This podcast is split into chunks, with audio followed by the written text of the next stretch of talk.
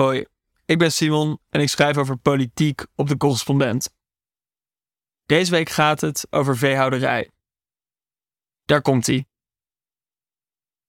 Nu de boer-burgerbeweging zich opmaakt voor haar entree in de provincie besturen, dringt de onvermijdelijke vraag zich op. Hoe zien al die grote plannen van BBB er in de praktijk uit?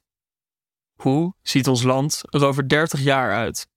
Als we het aan Caroline van der Plas vragen. Tijdens het verkennen van de BBB-website springt één zin meteen in het oog.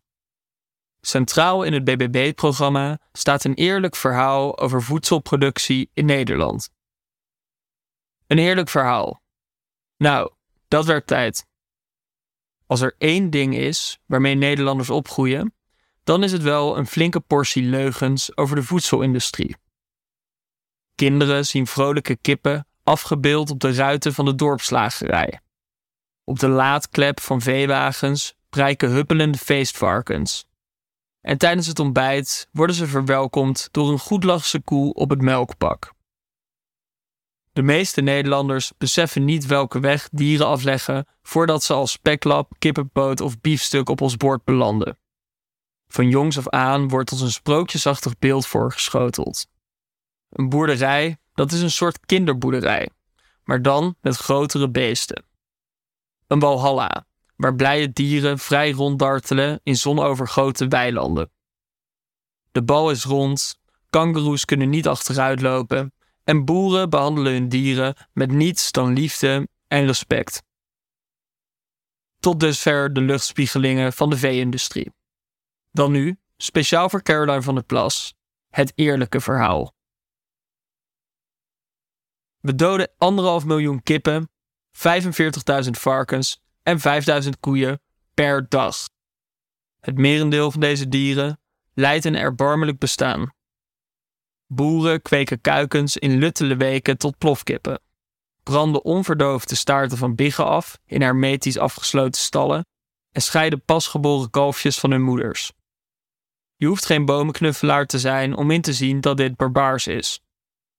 De schijn van een beschaafde veehouderij is de grootste leugen van onze tijd. Zes op de tien Nederlanders zouden willen dat intensieve veehouderij verboden wordt. En Nederland is, gemeten per vierkante kilometer, het grootste slachthuis van Europa. De helft van ons land wordt opgeslokt door landbouw, vier keer zoveel als bebouwd gebied. Op iedere hectare landbouwgrond proppen we in gewicht vier keer zoveel dieren als in de rest van Europa. Als rechtse politici beweren dat Nederland vol is, hebben ze dus gelijk. Vol met doodongelukkige dieren. Een ware veestapel. We hebben dat titanische leger aan vee niet nodig om onszelf mee te voeden. Twee van de drie geslachte varkens eindigen in het buitenland. Geen land in de Europese Unie exporteert meer rund- en kalfsvlees dan Nederland. En ook de rest van de wereld zal niet verhongeren als we hiermee stoppen want de dieren verbruiken nog meer voedsel dan ze opleveren. Maar dat is niet het eerlijke verhaal waar BBB op doelt. Volgens haar verkiezingsprogramma is de partij het geheel oneens met de stelling dat de overheid moet streven naar een kleinere veestapel. Nee, op dat kleine stukje Nederlandse grond moeten we nog decennia lang de hoeders zijn van 100 miljoen kippen, 11 miljoen varkens en 4 miljoen koeien. In de visie van Caroline van der Plas is Nederland het onwrikbare slachthuis van Europa. Maar wat wil ze hiermee bereiken? Binnen enkele decennia zal het merendeel van ons vlees afkomstig zijn van plantaardige bronnen of laboratoria. Voedsel uit dieren halen is net zo efficiënt als roeien met een pollepel.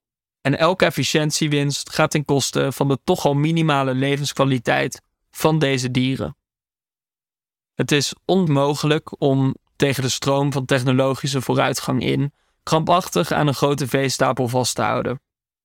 Momenteel slurpen landbouwsubsidies 31% van het totale EU-budget op. Als het aan de BBB ligt, blijft de belastingbetaler miljarden betalen om de heilige veehouder in leven te houden. Het is onduidelijk waarom de kolenboer, de paardenpoepraper en de floppydiskverkoper wel een nieuwe roeping moesten vinden. Die grote zakken geld kunnen boeren ook helpen hun nieuwe weg te vinden, terwijl we de veestapel verminderen, zoals de Partij voor de Dieren voorstelt.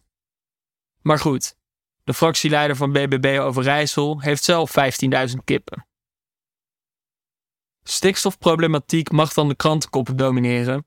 Het is verstandig om eens te kijken naar het bredere toekomstbeeld dat BBB voor Nederland schetst. Hoewel de partij verstandige ideeën heeft over het behoud van publieke voorzieningen op het platteland en de onevenredige verdeling van cultuursubsidies, is haar visie op de relatie tussen mens en dier niet alleen vreed, maar hopeloos achterhaald. Ook tussen al het gekrakeel over Natura 2000 gebieden, kritische depositiewaarden, habitatrichtlijnen en emissieplafonds is de wanhopige stem van dieren nog te horen. Als je maar bereid bent te luisteren. Nog een eerlijk verhaaltje.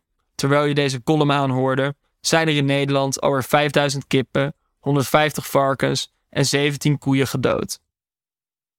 Is dat de toekomst die we willen?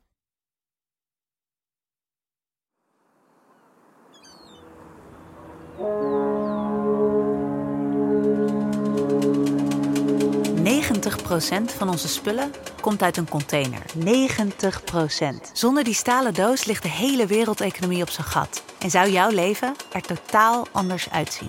Hier komen dus nieuwe kaders om straks 20 miljoen containers te kunnen laden elders. En toch komt de container in bijna geen enkel geschiedenisboek voor. En weten we nagenoeg niets over de reis die onze spullen erin over de wereld afleggen. Het is een ongelooflijk bewijs dat we als Nederland iets kunnen. En hier zijn we goed in. En dat laten we hier de hele wereld zien. Het is een bizarre paradox. Containerschepen behoren tot de grootste door mensen gemaakte dingen op aarde. En ze zijn tegelijk totaal onzichtbaar. En duik je in de wereld van de container, dan zie je ineens dat die stalen doos van alles verbergt. Ja, totaal is er 3,2 miljoen kilo rotzooi in zee beland. Er is een criminalisering opgetreden van zeevarenden. Het wordt echt een gevangenis. Some of the worst cases are over four years that seafarers have been left on board. They haven't gone home.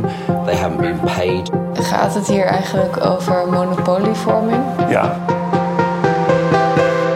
In deze podcastserie zetten Maaike Goslinga en ik, Maite Vermeulen, een schijnwerper op de verborgen wereld van ons goederenvervoer op zee. Om te snappen hoe onze spullen bij ons komen en wie daarvoor de prijs betaalt. We always have our aha moments. Um... What was yours?